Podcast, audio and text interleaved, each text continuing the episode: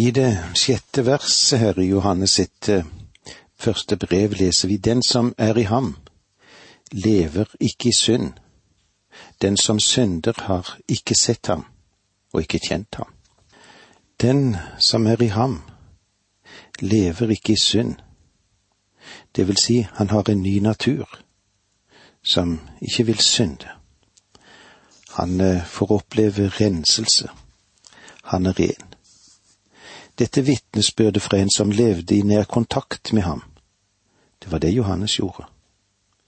Vi kan ikke tenke på Kristus eller på en evighet sammen med ham uten å føle at vi har trang til renhet. Be ham bli en kilde til renhet i deg. Hvis du til stadighet er opptatt med ham, så vil han hjelpe til slik at han påvirker karakteren din. Hans liv blir ditt liv. En vil ikke synde under slike forhold. Han gjør òg ende på djevelens gjerninger både i det enkelte mennesket og i universet. At vi er Guds barn, det bevises ved vår rettferdighet og kjærlighet som vi har fått oppleve hos ham. Og det er varemerket det på Guds eiendom. Den som er i ham, lever ikke i synd. Den som synder, har ikke sett ham og ikke kjent ham. Johannes sier altså ikke her at et Guds barn ikke kan synde, men han sier at vi kan ikke leve i synden. Du vil stå opp og gå hjem igjen. Gud kan gi deg frihet fra synden, og du må be om denne løsrivelsen fra Herren selv. Det er du som må gå inn for nådens trone med dette. Be ham føre deg til fred og til glede for deg selv og for dine omgivelser og i ditt liv. Om du er et Guds barn, vil du aldri bli tilfreds med en synders posisjon. Det kan være av enorme faktorer i din livssituasjon som holder deg fast i sitt grep der så. Finn deg frem til noen som kan hjelpe deg men eh, vær nå sikker på at han er troende. Det er sikkert andre som vil skyve deg i motsatt retning, så du aldri kan bli fri av det som måtte binde deg. Gud kan og vil fri deg fordi du er hans barn. Det er det Guds ord sier her. Om du tror det, så kan Gud gjøre deg fri. I vers syv i dette kapittelet leser vi, Mine barn, la ikke noen føre dere vill den som lever rett, han er rettferdig, like som Kristus er rettferdig. Mine barn. Johannes han taler til dem som er Guds barn. Han taler ikke til verdens barn. Mine barn. Mine barn, da ikke noen føre dere vil. Den som lever rett, han er rettferdig like som Kristus er rettferdig. Det er dette som avslører Guds barn. Det å være i ham betyr ikke bare at vi har en viss stilling. Det er sant at du har en posisjon. Du har en stilling i Kristus, og det er jo det som er det faste punktet. Men det er også noe som har en praktisk side som er involvert i livet ditt, dette. Om du blir i ham, i fellesskap med ham, og i tjeneste med ham, ja, da må du oppgi synden. Jeg fikk et brev fra en fortvilt yngre kristen som hadde problemer med alkoholen. Han skrev at han visste ikke hvilken vei det bar om det fortsatte på denne måten som det nå så ut til å utvikle seg i. Jeg vet at det vil til sist gå utover jobben min. Jeg vil ikke drikke, for jeg er et Guds barn. Jeg har tatt imot Kristus som en frelser. Si meg, kan jeg bli fri? Jeg kunne jo forklare ham at det var mulig å bli fri. Om han har sin fars natur, så er det en ting som er sikkert. Gud vil ikke la ham være tilfreds og lykkelig i den stilling som han er kommet opp i i sin synd. Dette var en ulykkelig ung mann. Og svaret som kunne gis til denne mannen var hver gang du faller, gå tilbake til din himmelske Far og si til ham hva som skjedde. Si til ham at du ikke ønsker å bringe vanære over ham igjen. Dagen kommer da han vil sette deg fri. Det har vært situasjon for andre menn òg, dette. Det er historien for alle syndere som bekjenner Kristus, men er bundet av en vane. Gud kan og vil fri dem ut. Dette brevet vi har foran oss, har å gjøre med livet. Nøyaktig der det befinner seg, og der vi befinner oss. Det er ikke noe ekstra kurs du skal ta for å bli fri. Du skal kalle på Gud og føres inn i en reell og levende kontakt med ham. I vers åtte i dette kapittelet leser vi slik:" Den som synder, er av djevelen, for djevelen har syndet fra begynnelsen. Og det var for å gjøre ende på djevelens gjerninger at Guds sønn åpenbarte seg. Den som synder, er av djevelen. Her må vi legge merke til at det er djevelen som er syndens kilde. Han er den som er ansvarlig for at synden blir ført inn i verden. Han er den som førte våre første foreldre inn i synd. Årsaken til at du og jeg har en syndig natur i dag, skyldes djevelen. Den som synder, er av djevelen. Husk hva Jesus sa om de religiøse lederne i sin tid, som det står i Johannes 8, 44. Dere har djevelen til far, og dere vil gjøre det deres far ønsker. Det er et interessant uttrykk som er en realitet, at vi vil gjøre det vår far gjør. Er djevelen din far, så vil du handle som ham. Om din far er vår himmelske far, da har du hans natur, og du vil handle som ham. For djevelen har syndet fra begynnelsen. Det vil si han startet med å synde, og det har han gjort alltid siden. Han er i opprør mot Gud. Og det var for å gjøre ende på djevelens gjerninger at Guds sønn åpenbarte seg. Det er bare Jesus Kristus som kan fri deg. Gå til ham. Kom ikke til meg, for jeg kan ikke hjelpe deg, og ingen andre heller kan hjelpe deg. Men han kan, Jesus kan. Han er den store lege og jeg ber dere inderlig om å gå til ham. Gå til ham med det som måtte være av vanskeligheter i livet ditt, det som holder på å tårne seg opp for deg. Den Herre Jesus Kristus, han døde for verdens synd. Døperen Johannes sa det på denne måten i det første kapitlet i Johannes evangeliet. Se der Guds lam som bærer verdens synd. Han tok bort syndens straff, og etter at du har lært deg til å stole på Kristus, så ligger synden bak deg, og du er frelst i ham. Dine synder vil aldri igjen bli dratt frem av det som har med din frelse å gjøre, fordi du har gitt ham den tillit som han er verdig.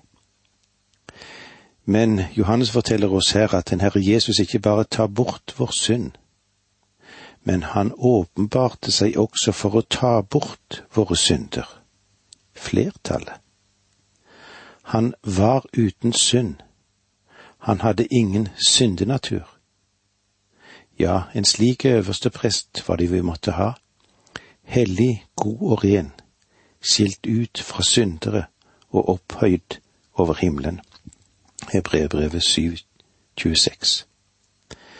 Men han var et menneske og han døde som vårt syndeoffer, og betalte straffen for vår synd. Men Johannes sier også i vers fem i dette kapitlet som vi når innom, at han ble åpenbart for å ta bort vår synd. Ordet vårt kan vi kanskje også si på denne måten, for det står jo bokstavelig talt slik, åpenbart for å ta bort synder det vil si ta bort de troendes synder. Med andre ord gjorde han det mulig for deg og meg å leve det kristne livet. Det er mye å takke Gud for. Har du takket den himmelske Far for at Han har tatt bort dine synder, og du er fri? Må så Guds nåde og fred være med deg. Dette undervisningsprogrammet består av to deler. Åge Nevland fortsetter nå med andre del av dagens undervisning. Vi er i Johannes sitt første brev, og vi er i det tredje kapitlet. Og eh, vi har foran oss det åttende verset der. Den som synder er av djevelen, for djevelen har syndet fra begynnelsen.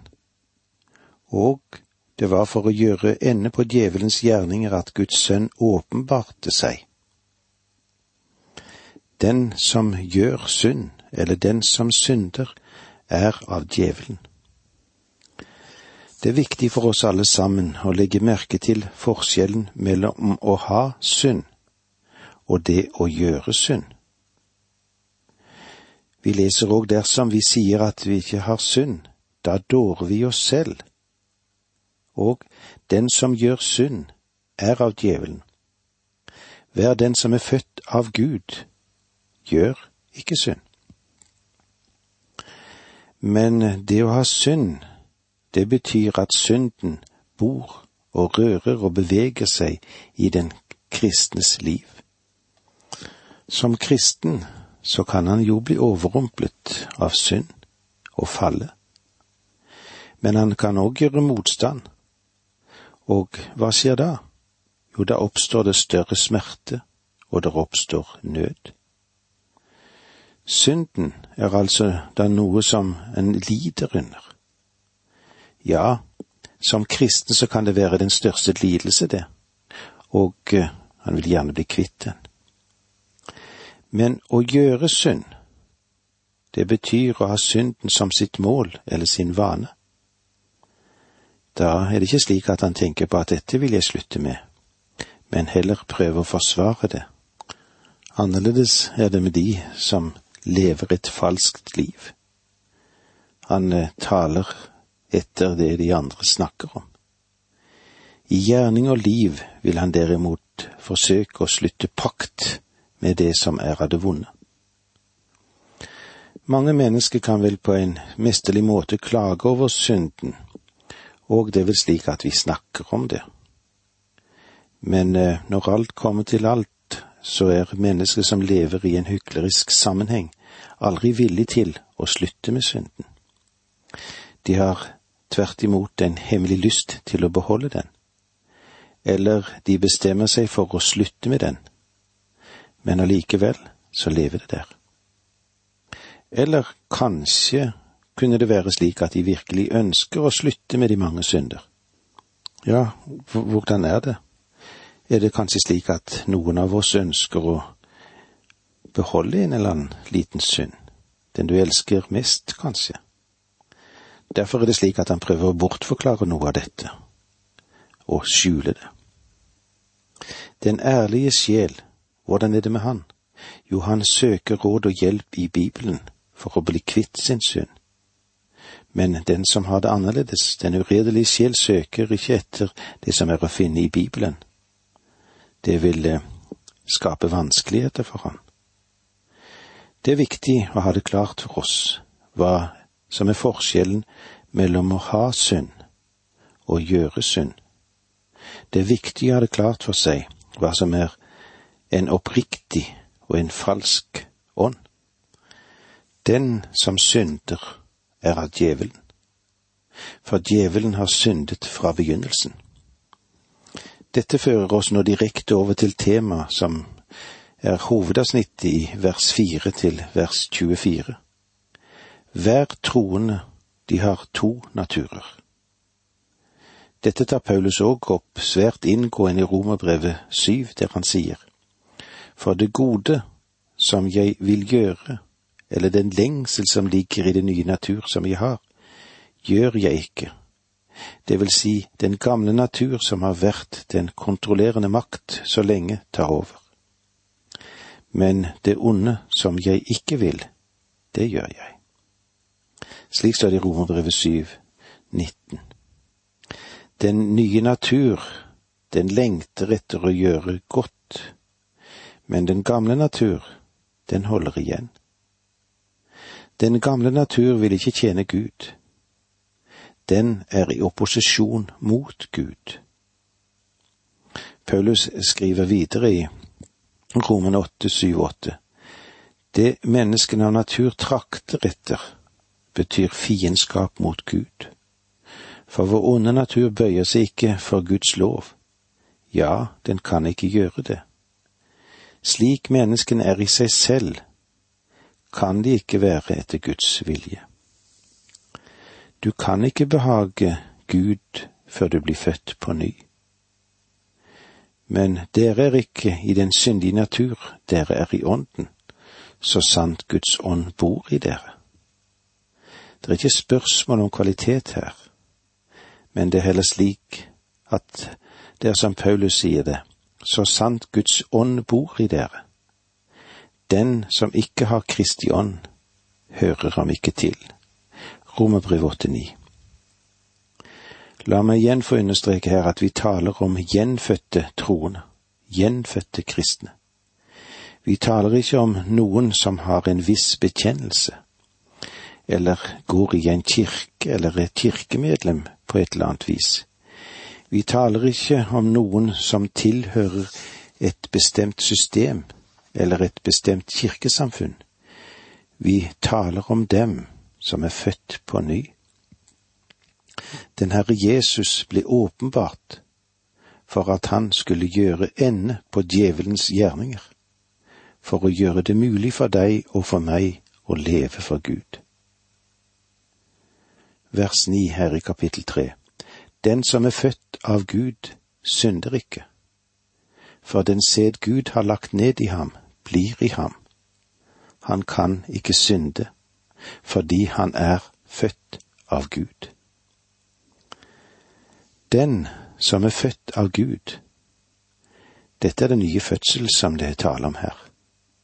Det var dette Jesus talte om da han sa til en religiøs leder. Undre deg ikke over at jeg sa til deg, du må bli født på ny. Johannes 3, 7. Den som er født av Gud, synder ikke. Et Guds barn får en ny natur, og i denne nye natur vil ikke og kan ikke begå synd. Det var den samme lengsel som den fortapte sønn hadde det, som vi kaller ham i Lukas 15. Det han hadde i sitt hjerte, var en trang etter, en lengsel etter å få komme hjem. Han var sønn av sin far, og han tilhørte fars huset. Om du er et Guds barn, vil du ønske å være i fars hus, og du vil lengte etter den. Den som er født av Gud, synder ikke. Uheldigvis er det slik at dette kan gi oss et feil inntrykk. Ideen som ligger her, er ikke det at man en ikke kan begå en syndig handling. Selve ideen er at en ikke lever i synd. Johannes har sagt det tidligere i dette brevet, om noen, ethvert kristent menneske altså, synder, har vi en som taler vår sak hos Faderen, Jesus Kristus den rettferdige. Vi har en talsmann. Den troende kan synde, men vi har en talsmann som taler vår sak.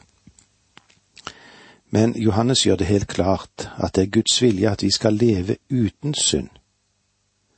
Mine barn, dette skriver jeg til dere for at dere ikke skal synde, står det i 1. Johannes 2,1. Synd er alt det som strider mot Guds vilje. Men når synden kommer inn i våre liv, sier Johannes at vi har en talsmann hos Faderen. Om vi bekjenner våre synder, er Han trofast og rettferdig, så Han tilgir oss syndene og renser oss fra all urett. Igjen taler Johannes her til de troende. Han sier at de troende vil synde. Derfor, når Johannes òg sier den som er født av Gud, synder ikke, så sier han at den nye natur ikke vil fortsette å leve i en grisebinge, aldri i verden. Ikke under noen omstendighet vil den det. Den sed Gud har lagt ned i ham, blir i ham, og som et Guds barn har du en guddommelig natur. Han kan ikke lenger synde. Hvorfor? Fordi han er født av Gud. Johannes taler om noe som er reelt, og noe som er riktig. Han taler ikke om en eller annen slags bekjennelse du avla da du overga deg til Gud og gråt noen tårer. Spørsmålet er, er du født av Gud? Jeg tror at den som er født på ny, altså en levende kristen, han kan være trygg i Gud. Men eh, jeg tror også på den vedvarende utryggheten for late som kristne. Er du i den situasjonen? Late som kristen? Det vil kanskje være godt for oss om det blir satt opp en, skal vi kalle det for en, en invitarliste over vårt liv. La oss granske oss selv og se om vi er i troen eller ikke. Er du et Guds barn? Lengter du etter det som har med Gud å gjøre? Det er viktig. Hver den som er født av Gud, praktiserer ikke synd. Han fortsetter ikke å synde. Han har fått en ny natur. Og med disse ordene må vi si takk for nå. Må Gud være med deg.